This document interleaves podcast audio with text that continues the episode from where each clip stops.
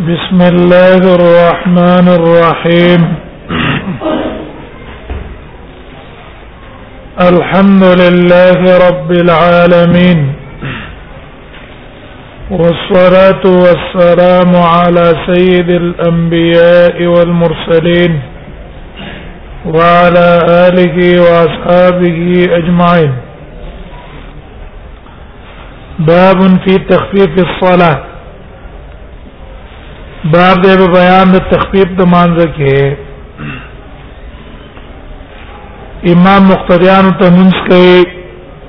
نو امام له پکار دی چې هغه لحاظ د مقتدیانو او ساتي نو ډیر زر منځو کې نه ډیر وګس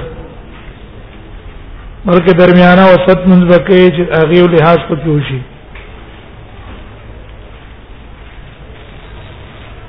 وبي قال حدثنا احمد بن حنبل قال حدثنا سفيان عن عمر سمعه من جابر قال كان معاذ يصلي مع النبي صلى الله عليه وسلم ومعاذ رضي الله عنه بعد النبي صلى الله عليه وسلم سمنسك ثم يرجع ببرا واپس امنا ان من تبي ما مترا كولا وقال مرة وكذا بسيري ثم يرجع ببراغه ويصلي بقومه نقل قوم منسكه فاخر النبي صلى الله عليه وسلم ليله الصلاه رستو کو نبی صلی الله علیه وسلم یو شپه الصلاه منز او د مکه شو ته انتظار کیو وقال مره العشاء وکړه د سورې منز ما قستان نبی صلی الله علیه وسلم ما قستان منز رستو کو نه معاذ مو شاته شو چې هغه څه مونږ کو نه مونږ ته ته په انتظارو به مونږ ترستو راغې نه وخت راغې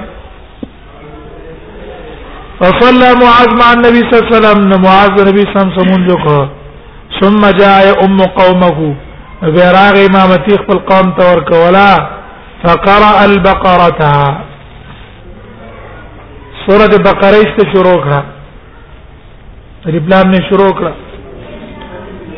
فاعتزل رجل من القوم نشت په ډډه شو یو سړی د قوم نه هغه الله مونږ ته سر تر سیدا بکلی لاړو ځان له مونږ کو تاسو یا حزم ابن ابي كعب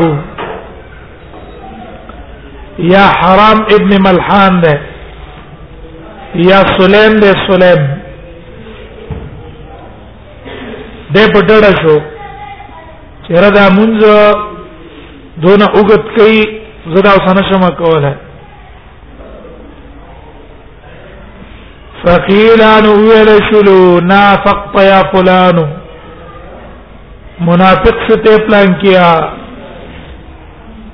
مانا تا کارو کو د منافقانو جمع دې پرې کوستلا او لن مونږ دې شروع کړو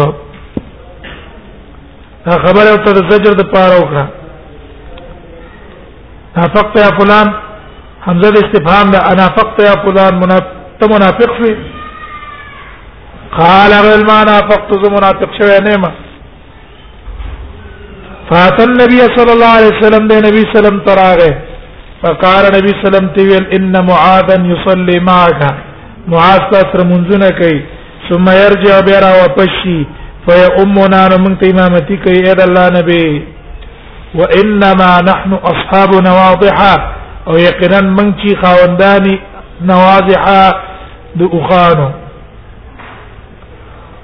نواضح معنا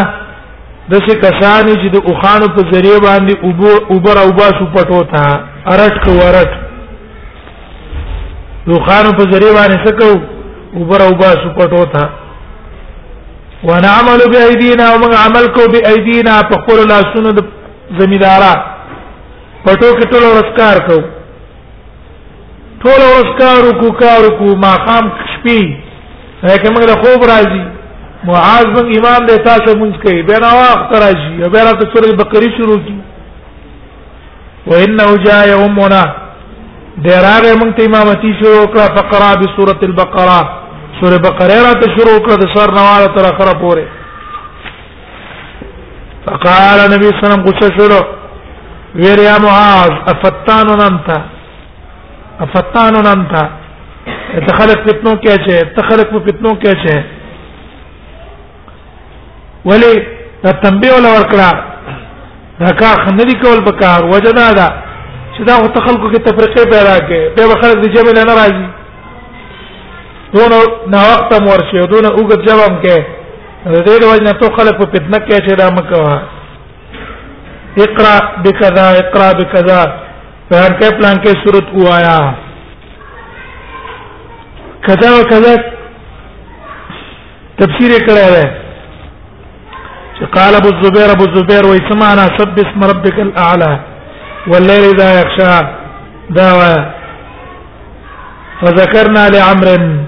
ومن عمر تدا خبر ذکر کړه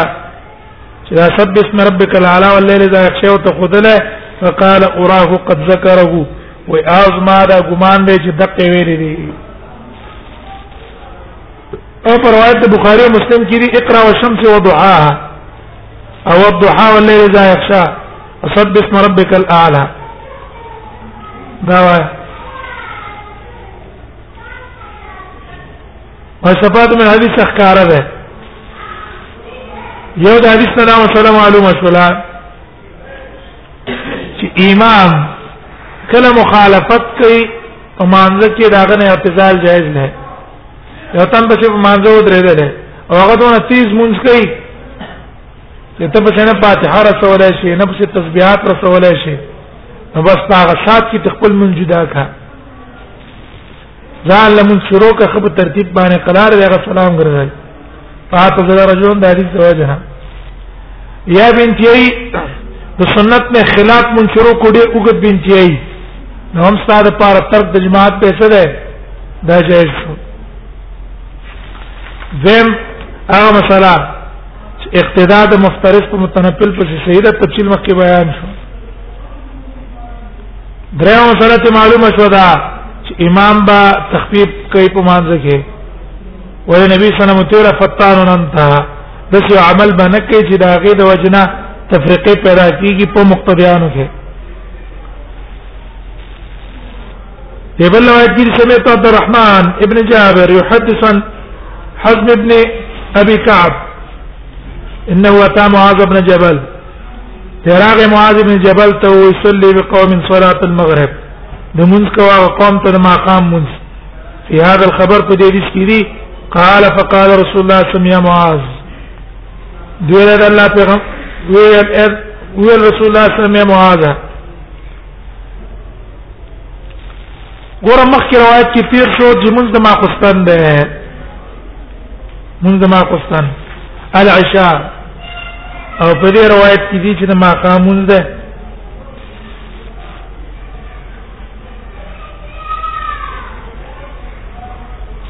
ظاهر کې ظاهر روایتو بس کې تعارض ده نو دا روایتونو منځ کې یو طریقه د ترجیح ده د تطبیق یو طریقه سره ترجیح کوم روایتونو کې چې لفظ د عشاء دی دا راجح دی په نسبت د ماقام لکه امام بهقي هغه ترجیح ورکړی لفظ د عشاء لره ولې په ډېر روایتونو کې لفظ د عشاء راغلی او که دویم طریقه د تطبیق تطبیق دا ده چې دا محمول له تعدد د واقعاتو تعدد د واقعاتو یو ځل ما خستر مونږ کړه ده بل ځل ما قام مونږ کړه او په دوانو کې صدا واقع راغله او د دې تعدد د واقعاتو تایید یره دا محمول له تعدد د واقعاتو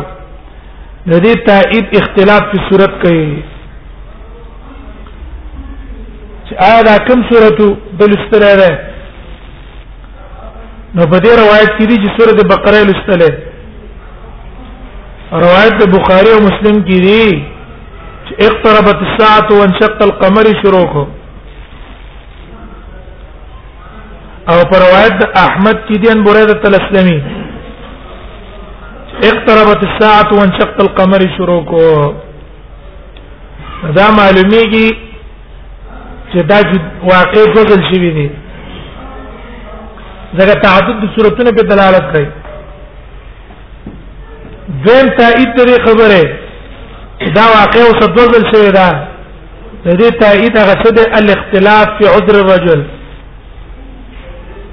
عذر د سړي چې دې سړي عذر څوک پر خوستلو د جمع کې نو ګوره دې حدیث کې د تطویل القراءه چې دوی اې د الله نبی منګه د ورځې کار وکړو نحنو اصحاب نواضح من کار کسب کو د ورځې نو بیا ستړي خوب را لراځي او بیا را توګدوګ د صورتونو شروع کی لیکن پر روایت د مسند احمد کې سلام ګرځول سبب بل ذکر کړه چې من کجور توبه اړولې کجره ته یې بور واړولې په باغ ما زه ته مونږ کوم باغ ته براشم د دې روغو شروع کو چې ویره د لوا چې کدا مونږ خلاصيږي نو اسنه چې بور على باغ څه نه کی دیوالونه را لونه شي ورخونه را لونه شي وې دا غیر وجنه زبته ورلم لکه روایت احمد کې دي فاتر رجل النبي صلی الله علیه وسلم فاعتذر الیه نبی صلی الله علیه وسلم ته عذر پیش کړو چې انی كنت اعمل فی نخل فخفت على الماء ما په کجور کې وباله ولې زه په وبو باندې ویری دلم چې کجور رااله خراب نه کې نبی صلی الله علیه وسلم اول تصلی بالشمس وضحاها درم تایید دغه خبره چې دا محمول له په تعدد د واقعاتو هغه اختلاف د روایت په نوم د وسړي کې چې دا سړی چې معتزل شوی د دنیم سره یو روایت کې راځي روایت د مصنف کې چې د نوم د حزم ابن ابي كعب حزم ابن ابي كعب دو او په هو يحدث عن حزم ابن ابي كعب انه اتى معاذ بن جبل ويصلي بقوم صلاه المغرب نو نیمه دا ده لیکن پر روایت د مسند احمد دا هغه پر روایت کې د دنوم ده حرام ابن ملحان دنوم سره حرام ابن ملحان و دا سره چې په ډېر شوی دا حرام ابن ملحان او پر روایت بازار کې نوم سلیم ده سلیمان نو دا تعدد د نمونه دلالت کوي په تعدد د واقعاتو واقع جدا جدا دي لیکن په تعدد د واقعاتو اعتراض شته چې دا روایتونه موږ محمول کو په تعدد د واقعاتو نو په دې اعتراض هغه دا ده چې ګوره یو ځل نبی صلی الله علیه وسلم معاذ منع کړو او ته ویل فتانو نن ته یا معاذ نو معاذ چې یو ځل د تفیل د قرت نه منع کو نو دوباره ولی تفیل د قرت به شروع کو چې بیا سبب وګرځي د پاره د اعتزال د بلکس شکال باندې ورسېدلې تعدد د واقعاتو مطلب دا ده چې یو ځل منع کړي چې یو ځل منع کو نو بیا بیا معاذ بن جبل ولی تفیل د قرت کو پس د من رسول الله صلی الله علیه وسلم نه چې نبی صلی الله علیه وسلم په تخفیف وکړو او دا معاذ را اولګلو به مخالفت کو په تطویل لقرت کې داغه جواب دا ده اول تطویل چې نبی صلی الله علیه وسلم معاذ منع کړو نو د معاذ ګمان داو چې غرض رسول الله صلی الله علیه وسلم په دې منع کې دا ده چې داخله په اسلام کې داخليږي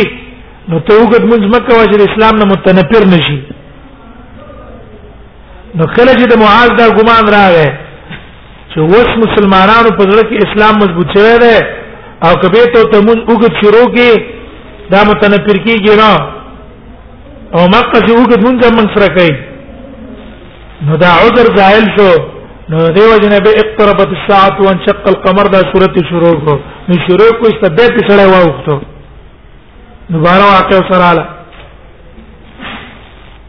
نو بیا ته نبی سمې جو ګورا د تطویل قرات مکه وا دا غرض دې لپاره نه ده چې یعنی ته متنفرین ابتداء د اسلام نه کې نه کې اوسړه په اسلام کې دن نم ده هډې وګد موږ باندې کې ځکه هغه ته کې تکلیف ده ځکه دوباره واقع شوه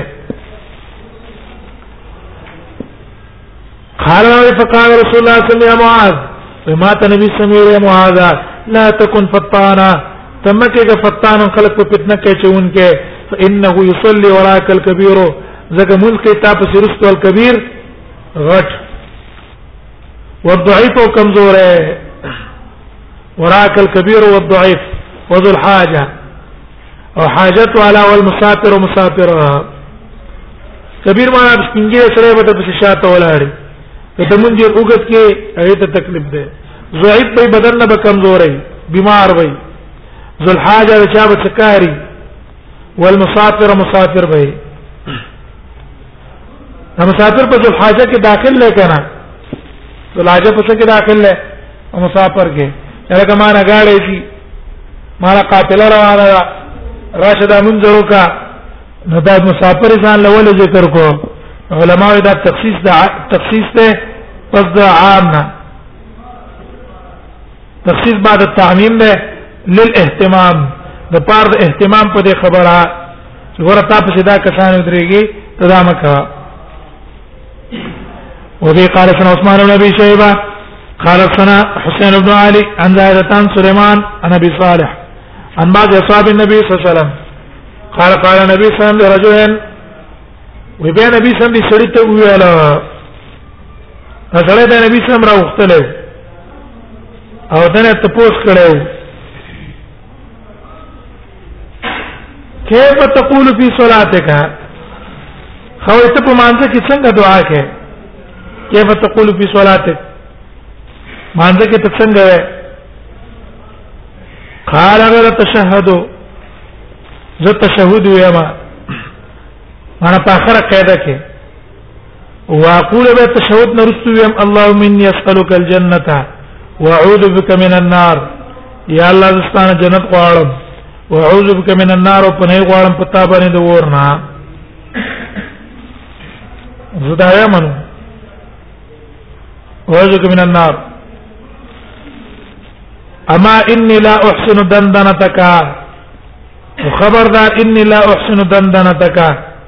زه خنه پویګم دندنه تکستا پغه پړ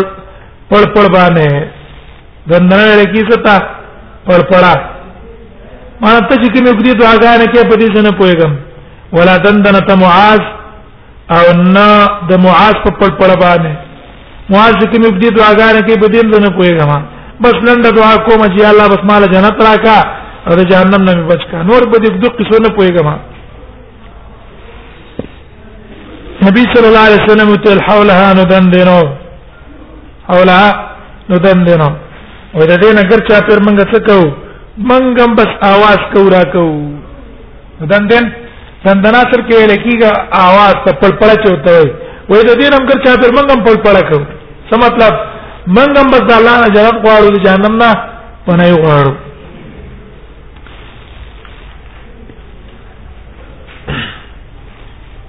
ها په دې روایت کې دام دی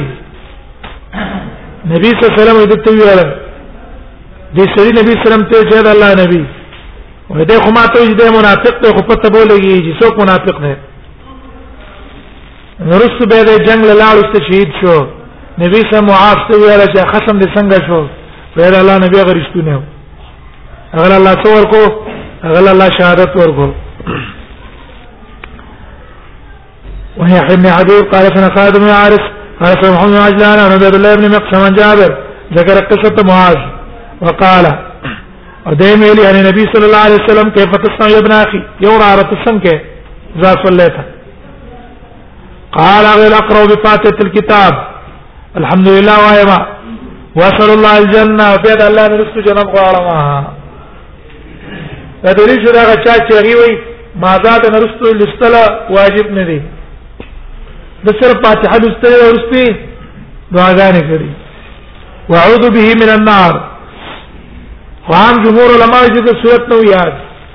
دې نه چاته صورت نه یا صرف فاتحه او تیارې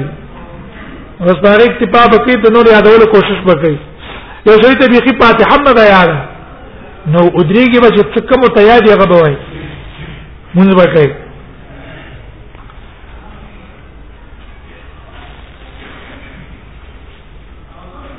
بیا نبی صلی الله علیه وسلم ته ویل و انی لا ادری ما دندنه تقولا دندنه تمعاذ فقال النبي صلى الله عليه وسلم اني ومعاذ حول هاتين او نحو هذا واذا معاذ د دې نکر چا پر تاویږ یا د قشان دعا کو او به قال سن قال نبي مالك انا بزنات انا الارج انا ابي هريره قال اذا صلى احدكم للناس یو تن چې خلکو ته مونږ کوي په جمع فليخفف تخفيف دې پکې کوي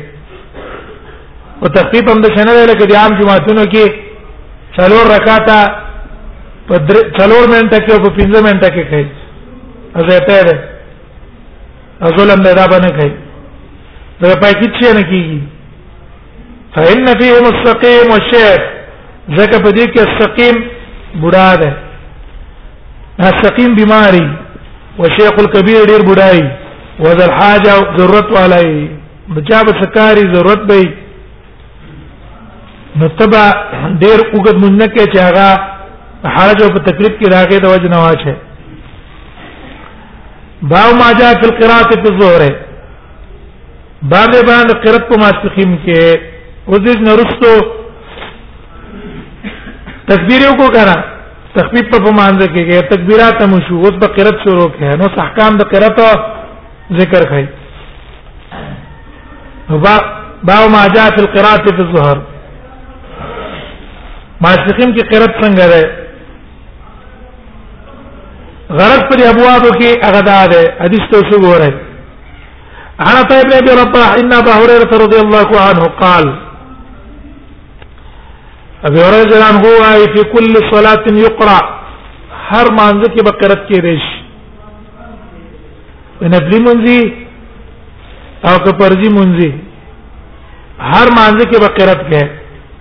خو فما اسمعنا رسول الله صلى الله عليه وسلم اسمعناكم فما اسمعنا رسول الله صلى الله عليه وسلم هغه شرع راوړولې دي موږ ته رسول الله صلی الله علیه وسلم رسول الله فاعل اسمع اسمعناکم من تاسو ته غدر ورولې ولي وما اخفى علينا اخفينا عليكم او چې نبی سم کوم ځای کې قرات پټ کړی دی من په هغه کې تاسو څه کړی دی قرات هم پټ کړی خلک مونږ ته تاسو مونږ ته اوخه وي چې دا سری مونږ د جهري کوم ځای کې راغلی دی دې ذکر راغی کنه رسول الله صلی الله علیه وسلم کوم ځای کې شریک کړی موږ ته تا خو دله او کوم ځای کې جهري کړی هغه جهري ته خو دله غرض ابو هريره رضی الله عنه په دې جمله کې هغه دا ده الجهر والسر في الصلاه منقولان عنه صلى الله عليه وسلم په مانځ کې پټ باندې قرت کول یا په مانځ کې په جار باندې قرت کول دا دوه رسول الله صلی الله علیه وسلم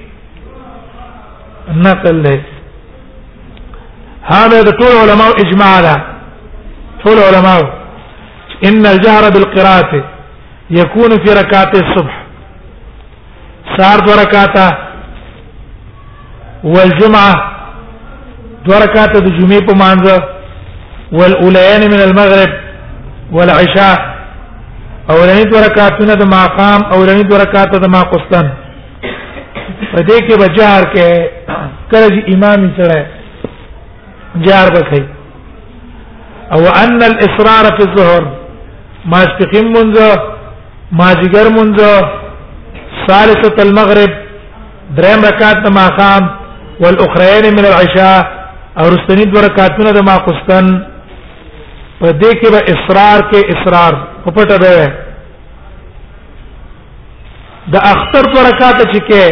هغه اختلافي مسله د خپل ځای کې براش جمهور علما په نسبت باندې په جهر کې استسقا هم اختلافي ده رابش امام مالک شافعي رحمهم الله او امام احمد دیوی انه یجهرو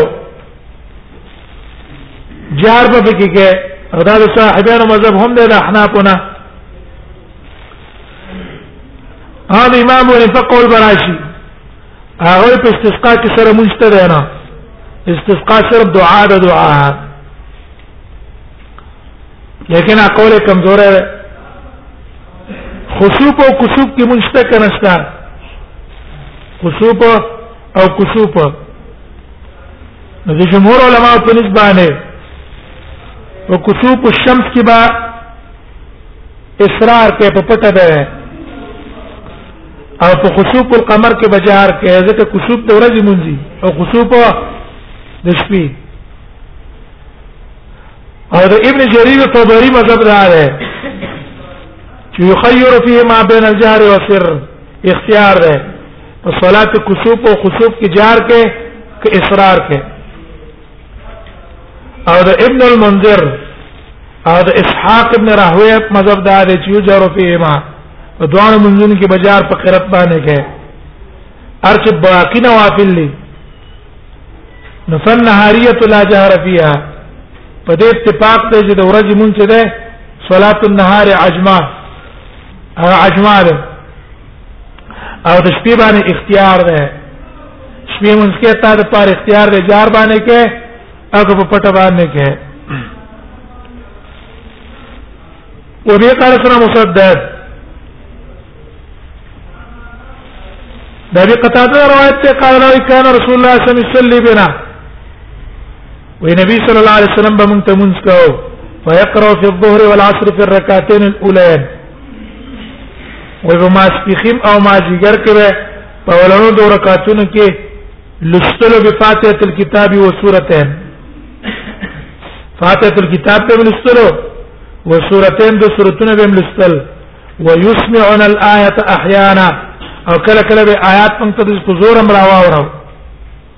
چې جار غوندې کې به کله کله وکړو د دې لپاره صحابه ته پته ولګي چې رسول الله صلی الله علیه وسلم پلان کې صورت لولي وكان يطول الركعه الاولى من الظهر او رسول الله صلی الله علیه وسلم اولنې رکعت په ماسپخین کې اوګت کاو والعصر وكذلك في الصبح ويقصر في الثانيه او دیم رکعت به اعلان کو دا اول په نسبت وكذلك في الصبح او سار ټیم کې به هم دقه شي کوله پیراول لکاته ماسپخیم کې اوګد کړه او ساتم کې اول اوګد کړه ورست رکعتونه لنګ کړي دې وجه دا ده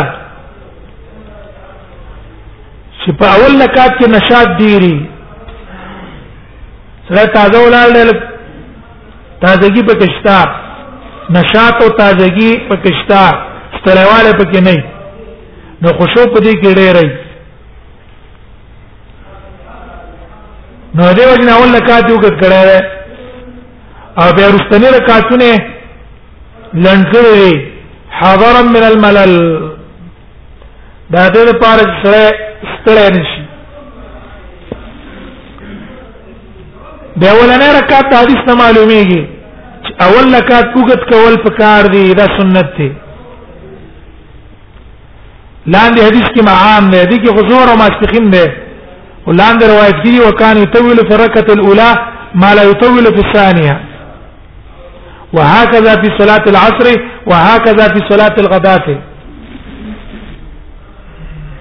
د دې د سنه معلومیږي چې اولنې رکعت وګت کول پکار دي چې اولنې رکعت سره وګدو کې دا مستحب او سنت ده او دیم رکعت د هغه په نسبت باندې لګلندو کې او په ظاهر د حدیث باندې علماء قول کړي سفیان ثوری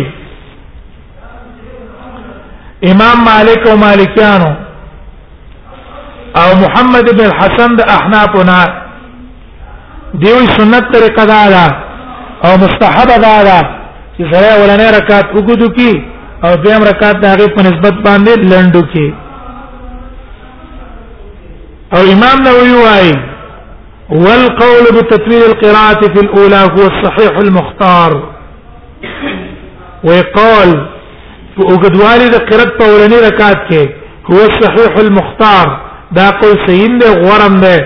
الموافق لظاهر السنه چې دا موافق دی د ظاهر د سنت سره ظاهر د احادیث سره دا قول موافق دی او استدلال په دې حدیث باندې نه ولا او په لاندې روایت وکانه یطول فی رکعت الاولى ما لا یطول فی الثانیه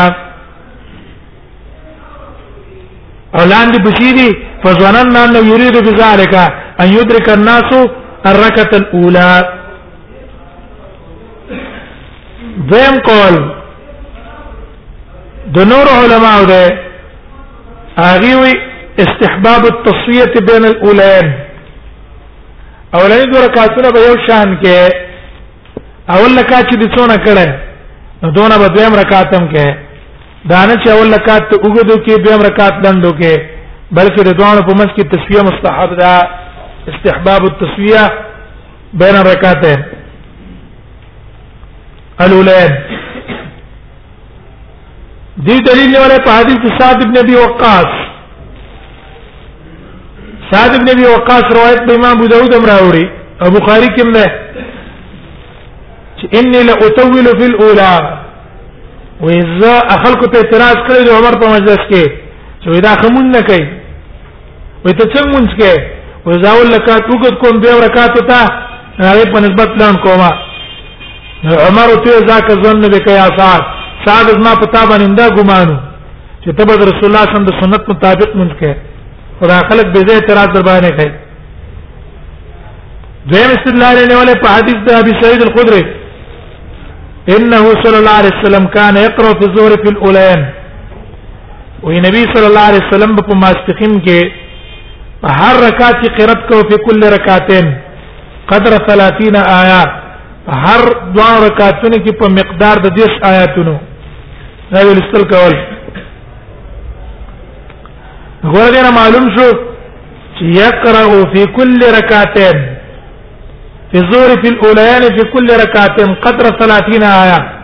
اول کوم ډیر شایعات شو دویم کوم ډیر شایعات شو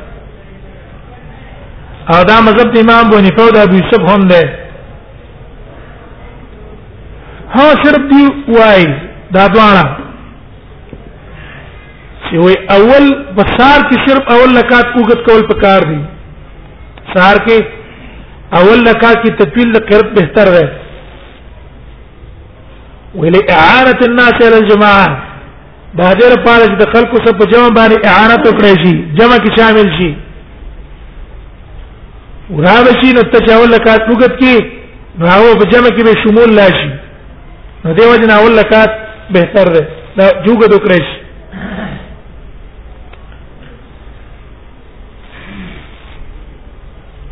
بعض علماء را لګي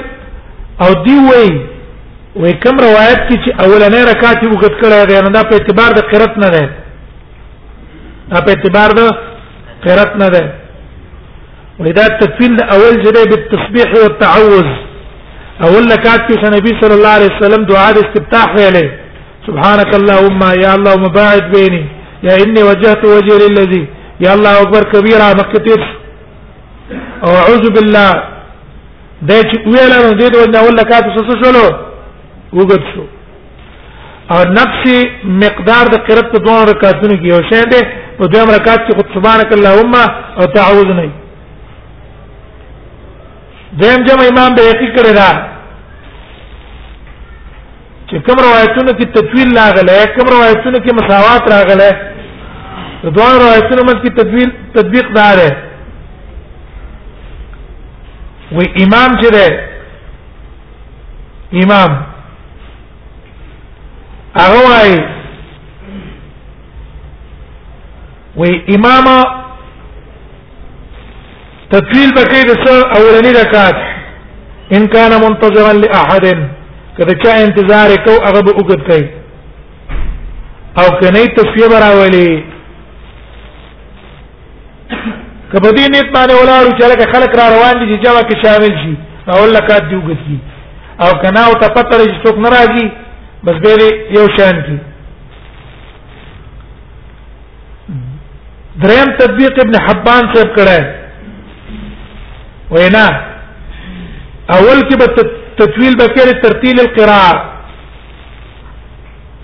اول لکه چې قرات په مزه مزه یا آیاتونه کې په مزه مزه دمه کوا او په دیم رکعت کې دمه کوا ومغه آیاتونه به یو شان وي اول لکات کې چې لس آیات وي په دویم کې لس وي او اول لکات کې په دما دما په منځ کې څه کوا وقفه په کې ډېر کوا او په دویم رکعت کې ډېر مکوا غدوانو کې به شي برابر والے براش يطول قال قال ابو داود ولم يذكر مسدد فاتحه الكتاب والسوره مسدد فاتحه الكتاب والسوره په کې نه ذکر کړه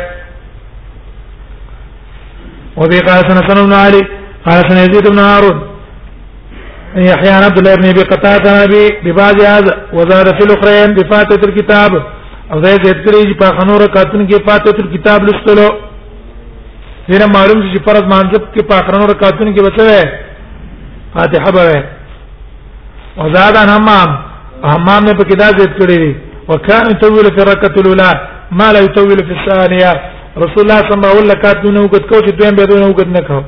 وهكذا في صلاه العصر ما ذکر مونږ هم دقه څه کړه وهكذا في صلاه الغداء د سار مونږ هم دقه څه کړه وبه قال حدثنا عن عبد الله بن ابي قتاده عن ابي قال ده پکدام وي فزرنا وجه ذکر کوي وزمن دا ګمان انه يريد بذلك چې نبی صلی الله علیه وسلم دا ولکات ذکر وکړ اراده دی وا ايدرک الناس الرکعه الاولى چې خلق شامل شي د امام صف په اولنی رکعت کې جمع مند کی انا ابي معمر قلنا لخباب ها دا حدیث صدا معلوم شو ان يدرك الناس چې د چا د ادراک د وجنه تا رکوع دکړه یا د چا د ادراک د وجنه رکعت وګت کو دا جهیز نه راوه نه ده حدیث کې دا راځي رسول الله صم په سجده پروت وو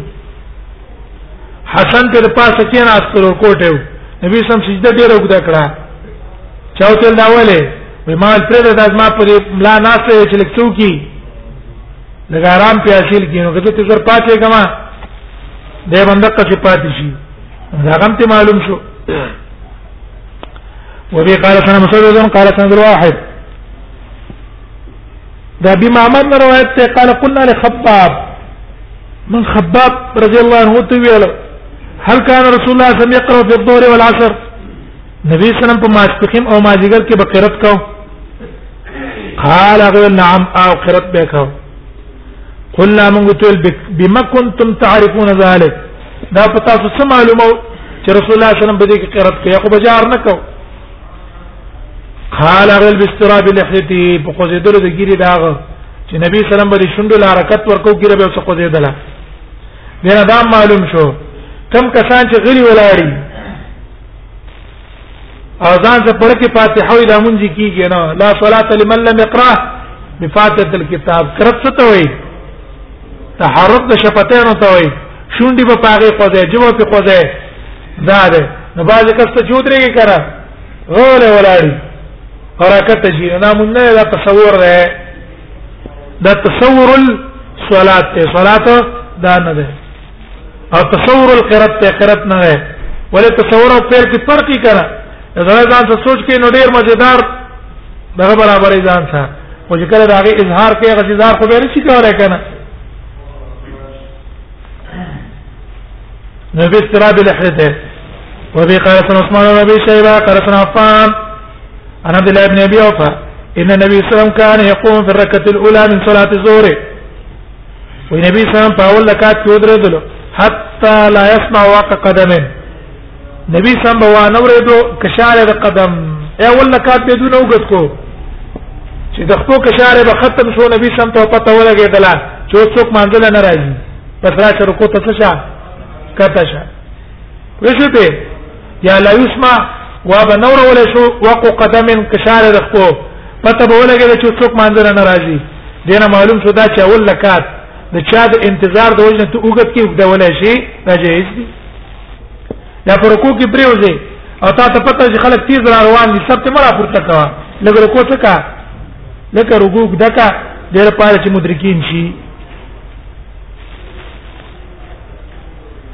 باب تخفیف الاخرین باب باندې تخفیف تخفیف درستنو دو رکعاتونو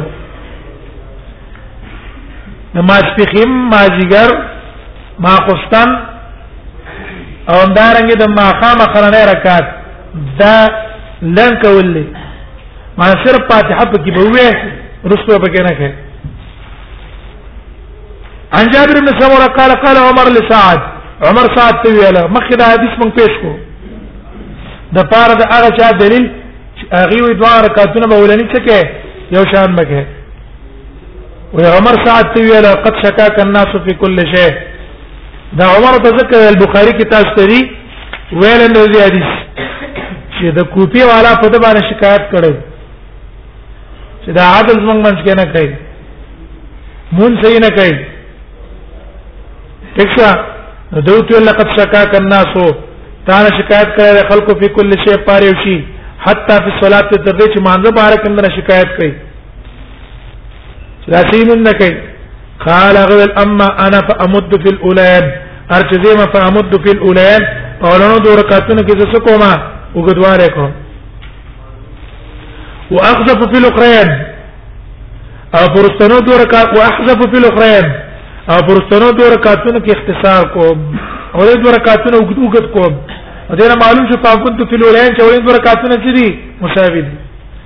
او رستنی تو رکعتونو پای کې حذف کوما واحذف فی الاخرین رستنی دو رکعتونه هغه د مخکې په نسبت باندې لندو ما حذف لکی التخفيف وترك الاطاله ولا آل او زه نقصان نکوما مقتدت به من صلات هغه کې چې ما په اقتدا کړې د مانزه رسول الله صلی الله علیه وسلم نه نبی سم چې په کومه طریقه مونږ کړی او مکه چې کومه پای کې څنګه کوم کوتای نه کوم قال عمر تل ذاک ظن بك ازما تابع اندق ګمان چې تامن څه ده رسول الله صلی الله علیه وسلم موافق ده خدا خلق دې زه اعتراض کوونکی دی ذاک ظن بك ته په تابع ګمان ده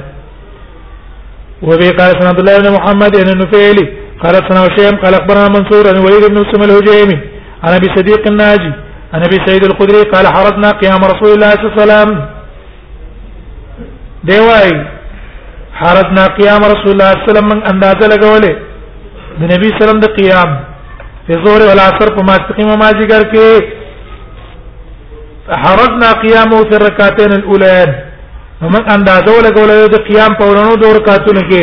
من زور د ماسپخین نه قدر 30 آیه اندازه د 10 آیاتونو قدر الف لام تنزيل السجده په اندازه د الف لام تنزيل السجده هغه په اندازه مولګوله معنا اولنی رکعتونه به څه کول نبی صلی الله علیه وسلم باندې تامین تنزيل السجده په مطابق په کې سورته لستل وحرزنا قيامه في الاخرين او من اندازه لګولې د قیام په خرنو کې على النصف من ذلك داغي پنیم وزي ته وګورئ تنزيل السجده په شاته دي ګره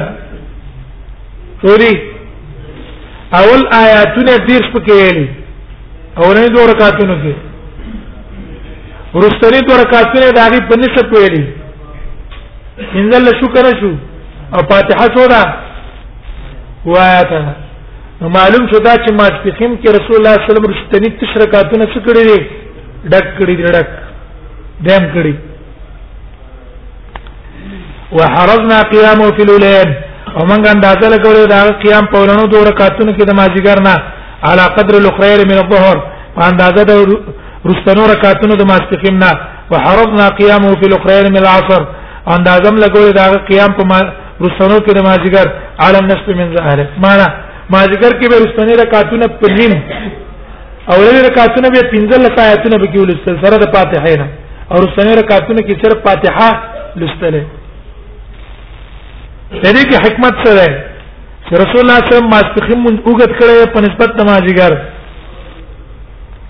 علماء حکمت هغه ده چې رسول الله صلی الله علیه وسلم د ماسپخین وګت کو وجه دا ده انها وقت غفله بالنوم واذا وقت د غفلت ته د خوب خلق به غرمه کې ودی رسول الله صلی الله علیه وسلم به ولې رکعتونه وګدول دا د لپاره چې خلق رست راتون کی اغي دا جمع مندگی په خلاف د مازیګر دا د مازیګر ټیم په دسه ټیم کې کی چې وخت د ستړیوالي ده اکثر خلکو د ورځې کار کړي مازیګر ټیم کې ستړي رسول الله صلی الله علیه وسلم پاکه تخفیف کاو باب قدر القراءه في صلاه الظهر والعصر باب نه پان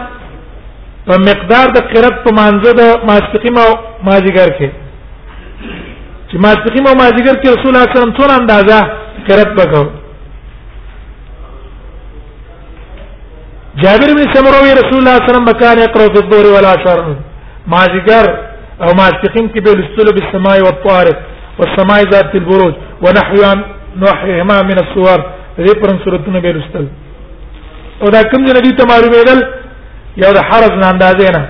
او بل یسمعون الایات احیانا کله کله جهر په کړه ده کنه دی بل روایت کې دی سمع جابر بن سمره قال كان رسول الله صلى الله عليه وسلم حضرت الشمس کله چې نور زایل شو نو نبی صلی الله علیه وسلم کله چې نور زایل شو صلى الظهر ما سبقمون بيوكو وقرأ بنحو من من والليل إذا يخشى دا به ولستلو والعصر كذلك ما جګر به اندقه څه کول والصلاه عام منځونه کې اندقه څه قرات کو الا الصبح مگر د سار منځ فانه كان يطيلها نبی صلی الله علیه وسلم باغ وګت کو ډیر به وګت کو په نسبت ده وبي قال سنا محمد بن عيسى قال سنا معتمر بن سليمان ويزيد بن هارون وشير عن سليمان التيمي عن اميه عن ابي مجلس ده ابن مجلس نه روایت ده عن ابن عمر ابن عمر نه روایت ده نبی صلی الله علیه وسلم سجد فی صلات الظهر وی نبی صلی الله علیه وسلم د ماسپخین په مانځ کې سجده د تلاوت وکړه ثم قام به فاسد فرکا دا غیر رست به رکوع کړه سجده پسې رکوع کړه فرعنا نو موږ ته پته ولګېدله انه قرأ تنزيل السجده اجنبي سم کومه سوره ولستلو تنزيل السجده ولستلو قال ابن ساوي لم يذكر اميه احد الا معتمر وبدي سند کې انا عن اميه چې کنه سليمان التيمي او د ابي مجلس په منځ کې اميه صرف معتمر په ذکر کړي چا په نور نه ذکر کړي انا ابن عباس في شباب من بني هاشم قال عبد الله عبد الله ابن عبيد الله واي زوال لم ابن عباس في شباب من بني هاشم فنور على كانوا د بني هاشم کې د بني هاشم نور على كانوا ابن عباس ورلو وقلنا لشاب منا ومن يزوان تويلا سل تتبوسو كد ابن عباس نا اكان رسول الله صلى الله عليه وسلم يقرا في الظهر والعصر نبی صلی الله علیه وسلم بګی نماز ګر او ماسپخین کې بقرت کوم نبی سم بده کې قرات کړه ده کنه ده کړه هغه ویل لا فقال لا لا وینا نا نبی سم قرات نه ده کړه فقيل له نبت ویل شو لعله شاید رسول الله صلی الله علیه وسلم با دا قرات کړی كان يقرأ في نفس ځان ته ویلو فقال دوت الخمشة استاد مخ د کیری شي همشن معنا څه ده استاد مخ د کیری بیری شي دا شر د اولوینا خمسا وهذا هذه شر من الاولى دا خو د مخکې په نسبت ډیر شر دی چې رسول الله صلی الله علیه وسلم دې پټ قرات کوي او موږ ته دې څنګه وایي کان عبدا مامورا دا یو بنده مامورن د تامر کړی شوی وو څه مطلب الله د تامر کړو نو چې مانځه کې قرت وې نو په کاردار چې رسول الله صلی الله علیه وسلم امت ته څه کړی دا غي خودلې وې او دا خو کې دې نشي چې رسول الله صلی الله علیه وسلم د امت ته نه په خپل وی کوي ابل مامور مانور څه دلې بلغ ما ارسل به رسول د هغه شی چې د دې په لګل شي عبد الله بن عباس دا انکار کړی دی د قرتنا فی الظهر والعصر ظاهر دا چې عبد الله بن عباس ته احادیث د قرتنا معلوم دا احادیث د قرات ته رسیدلې نه وو ځکه انکار کړو چې نه ما سپخي مانځ کې قرات باندې کې ما ذکر مانځ کې قرات نشتا به چرستو ته پته ولګېدل چې رسول الله صلی الله علیه وسلم په دې ما سپخي کې قرات کړی دی دا غنه بعد به د اقرارم کړی د قرات چې او قرات بکې دلیل په روایت د ابن ابي شيبه ده دلیل په روایت د ابن ابي شيبه ده د ابن عباس رضی الله عنه نه چې کان رسول الله صلی الله علیه وسلم يقرأ في الظهر والعصر نبی صلی الله علیه وسلم په ماسپخین او ماجیګر کې قرات کاو کان يقرأ في الظهر والعصر ابن ابي شيبه د عباس خپل به څوکړه قرات ته نقل کړو دا پاغه ټیم کې چې پته وته نو دیویل و مختصنا دون الناس بشه او نه خاص کړی نبی صلی الله علیه وسلم په یو شی په غیر د خلکو نه چې یعنی مونږ ته راکړی نور خلکو ته کوم مسلې نه خودلې دی نه کړی الا بثلاث قسال مگر درې خوینه دي یو امرنا نبی صلی الله علیه وسلم ته حکم کړی ان نصبغ العضو چې موږ به کامل او دس کوو دویم ولا ناکل الصدقه موږ به زکات نه خورو دریم ولا ننج حمار الفرس خرب په اس په ناچو چې قچر راوړي لا ننجي انځا کې جوړه توي نبا اچو خر على الفرس په اس په باندې د دې لپاره چې داغه نه قچر پیدا شي اوس دلته اشکال لا ده چې ظاهر د روایت نه معلومیږي چې ابن عباس وایي چې دا درې اوامر موږ ته خاص نبی صلی الله علیه وسلم کړی نور موږ خاص کړی نه حال دار چې دا امور اولنې امر او رستنې امر دا امر نبی صلی الله علیه وسلم امت تم کړی دی صرف آل بیت پکې خاص نه دي غیر د صدقې نه صدقه د رسول الله صلی الله علیه وسلم د آل خصوصیتو چې هغه له خپل جایز نو ولا ناکل صدقه به علماء جواب کړی دی جواب چې ټیک ده اسباغ الاذون بسم امت ته امر کړی او اهل بیت تم کړه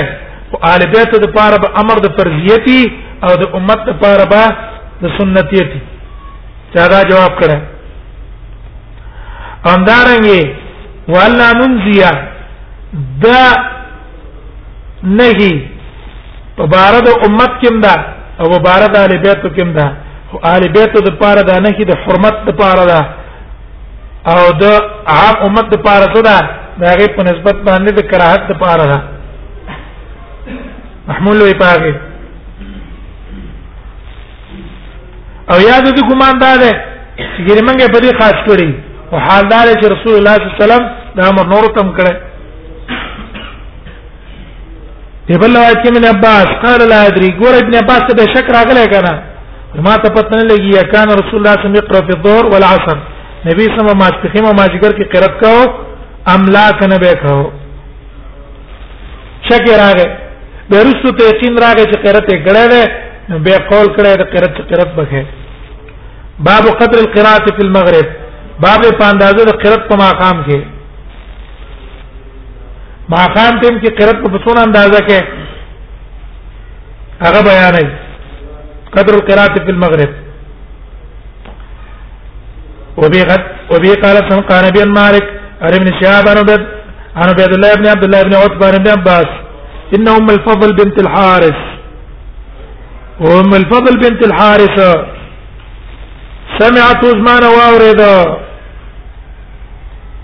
وهو يقرا المرسلات عرفا وما والمرسلات عرفا للسلو مالت مامور ما ندى سورة وارد شما دا للسلو فقالت دي مور راتويل يا بني إيه بچيا لقد ذكرتني بقراءتك هذه السوره رايات کو تھاما تر قراءتك هذه السوره پلستر استادی صورت لرا انها الاخر ما سمعت سمعت رسول الله صلی الله علیه وسلم چې دا خرنه هغه د جماع رسول الله صلی الله علیه وسلم اوریدل دی یقرأ بها فی المغرب چې ما خان کې به دا څکاو دا ورستلو ما د رسول الله صلی الله علیه وسلم اوریدل اخر په ما خان کې دا لستل دی یقرأ بها فی المغرب دنه معلوم شو چې رسول الله صلی الله علیه وسلم په ما خان کې والمرسلات لستل دی او حال دا چې په دا ټیم کې رسول الله صلی الله علیه وسلم بیمار دی بیمار جبیر ابن مطعم روایت کې د خپل پلار نه محمد ابن جبیر روایت کې د خپل پلار نه جبیر ابن مطعم ابن عادی دی انه قال لا سمعت رسول الله صلى الله عليه وسلم يقرأ بالطور في المغرب بما ده نبی صلی الله علیه وسلم ده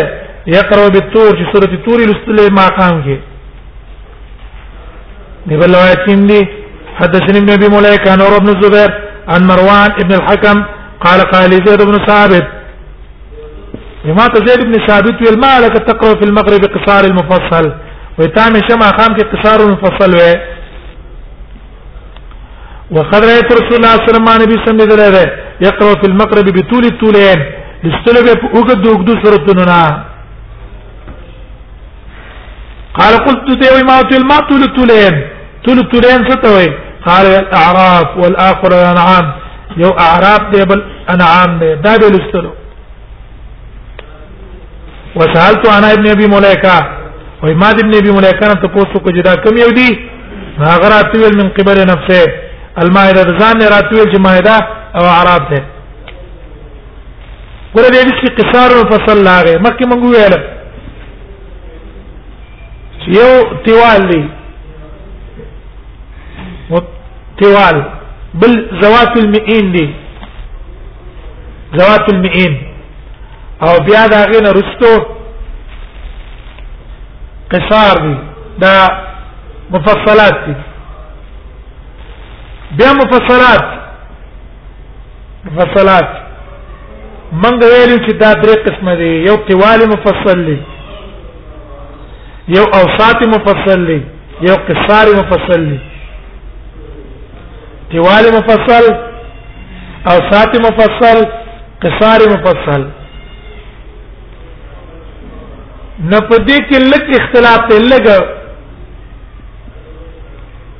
د احناب په نسبت باندې تیوال مفصل شروع کیږي د سوره حجرات نه د احناب په نسبت باندې تیوال مفصل شروع کیږي د سوره حجرات نه تر اخر البروج اخر دا سوره بروج پورې دا تیوال مفصل دی او اوسات مفصل شروع کیږي د سوره بروج نه تر لم یکن الذين كفروا پورې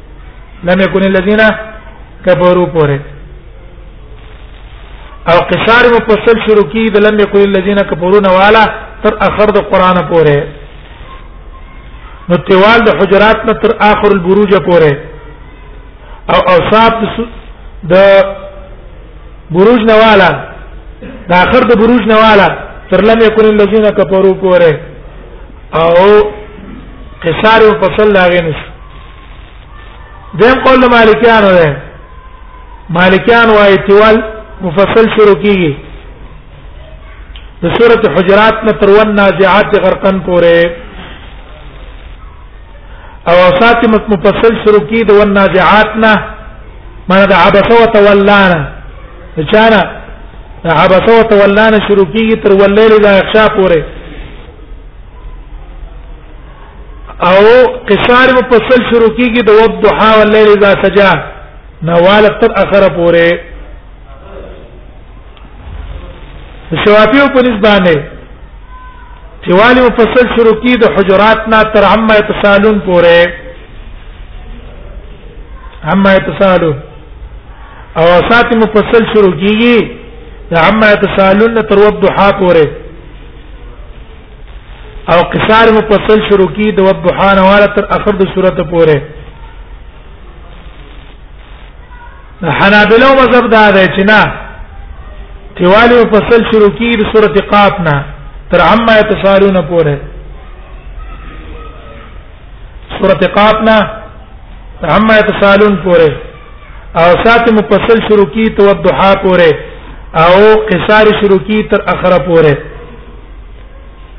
باو من را تخفیف فيها بعد باندې دلیل دا چا کې چې هغه نه ماخام مانځ کې تخفیف پکار ده وګت کرت پکې نه ده پکار دا غي دلیل وبي قال خام صبر اسماعيل قالت سنا حماد قال اخبرنا هشام بن عروه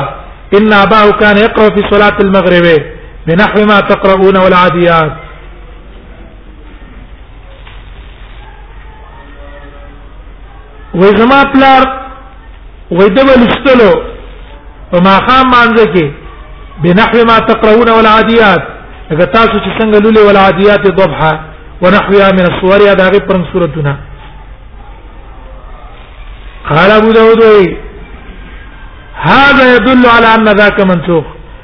وای دا دلالت کوي په دې چې دا وګدوګ د صورتونه څه شوی دی دا منسوخ شوی دی لیکن د امام ابو داود رحم الله دا خبره صحیح ده نه دعوت نفس صحیح نه ده وجه دا ده چې حدیث د ام الفضل مخکې بیان شو چې رسول الله صلی الله علیه وسلم په اخر ټیم کې ماقام کې کوم صورت لستله والمرسلات عرفا لستله او دا د رسول الله اخر قرات ته بیا رسول الله صلی الله علیه وسلم چرته ماقام باندې باندې درېدل نه نو کوم ځای نه خاصو خبر پويږي یوجن حافظ ابن حجر رحم الله فتح الباري کې وایي وفي حديث ام الفضل اشعار وي په حدیث د ام الفضل کې اشعار ده پر خبره خبرداري ورکول دي پر خبره بانه صلى الله عليه وسلم كان يقرا في الصحه باطول من المرسلات چې نبی صلی الله علیه وسلم په صحت تیم کې په ماخام تیم کې د مرسلات ته یو دګ د صورت نه ویل د مرسلات نه ویل او دګ د صورت نه ویل ولي لكونه كان في حالة شدة مرضه چون کې مرسلات نبی صلی الله علیه وسلم په دې ټیم کې لستره چې دا ډېر بیمارو او هو مزنه التخفيف دا ډېر بیماری مزنه د تخفيف دا چې مونږ به زر زر کړای بیا وی هو يرد على ابي داود ودا حدیث رد کوي په امام ابو داود باندې ادعاء نسخ التطويل چې هغه دعوا کړې ده نسخ د څه د تطويل له قرات کې نه دا وګدواله د قرات منسوخ شوی دی اوس بلنن صورتونه پاره کې هغه باندې رد کوي لانه روى عقب حديث زيد بن ثابت وې ذکر د زید بن ثابت نه رسته دی روایت نقل کړي من طریق عروه انه كان يقرا في المغرب وی عروه عروه بن الزبير هغه ما خام کې لستله بالقصار به وهذا يدل على نفس حديث زيد ولم يبين وجه الدلاله وجه الدلاله ته نه ذکر کړی چې څنګه د حدیث دلالت کې على نفس ذاک هغه منسوخ شوی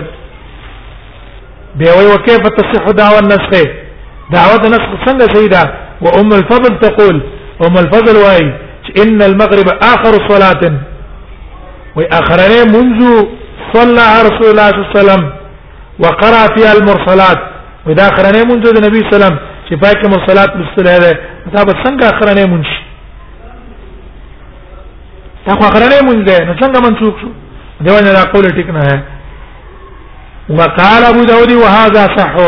او دا روایت اصح ده په نسبت د روایت د مالک په موطا کې یعنی وګدا وګدو صورتونه بیان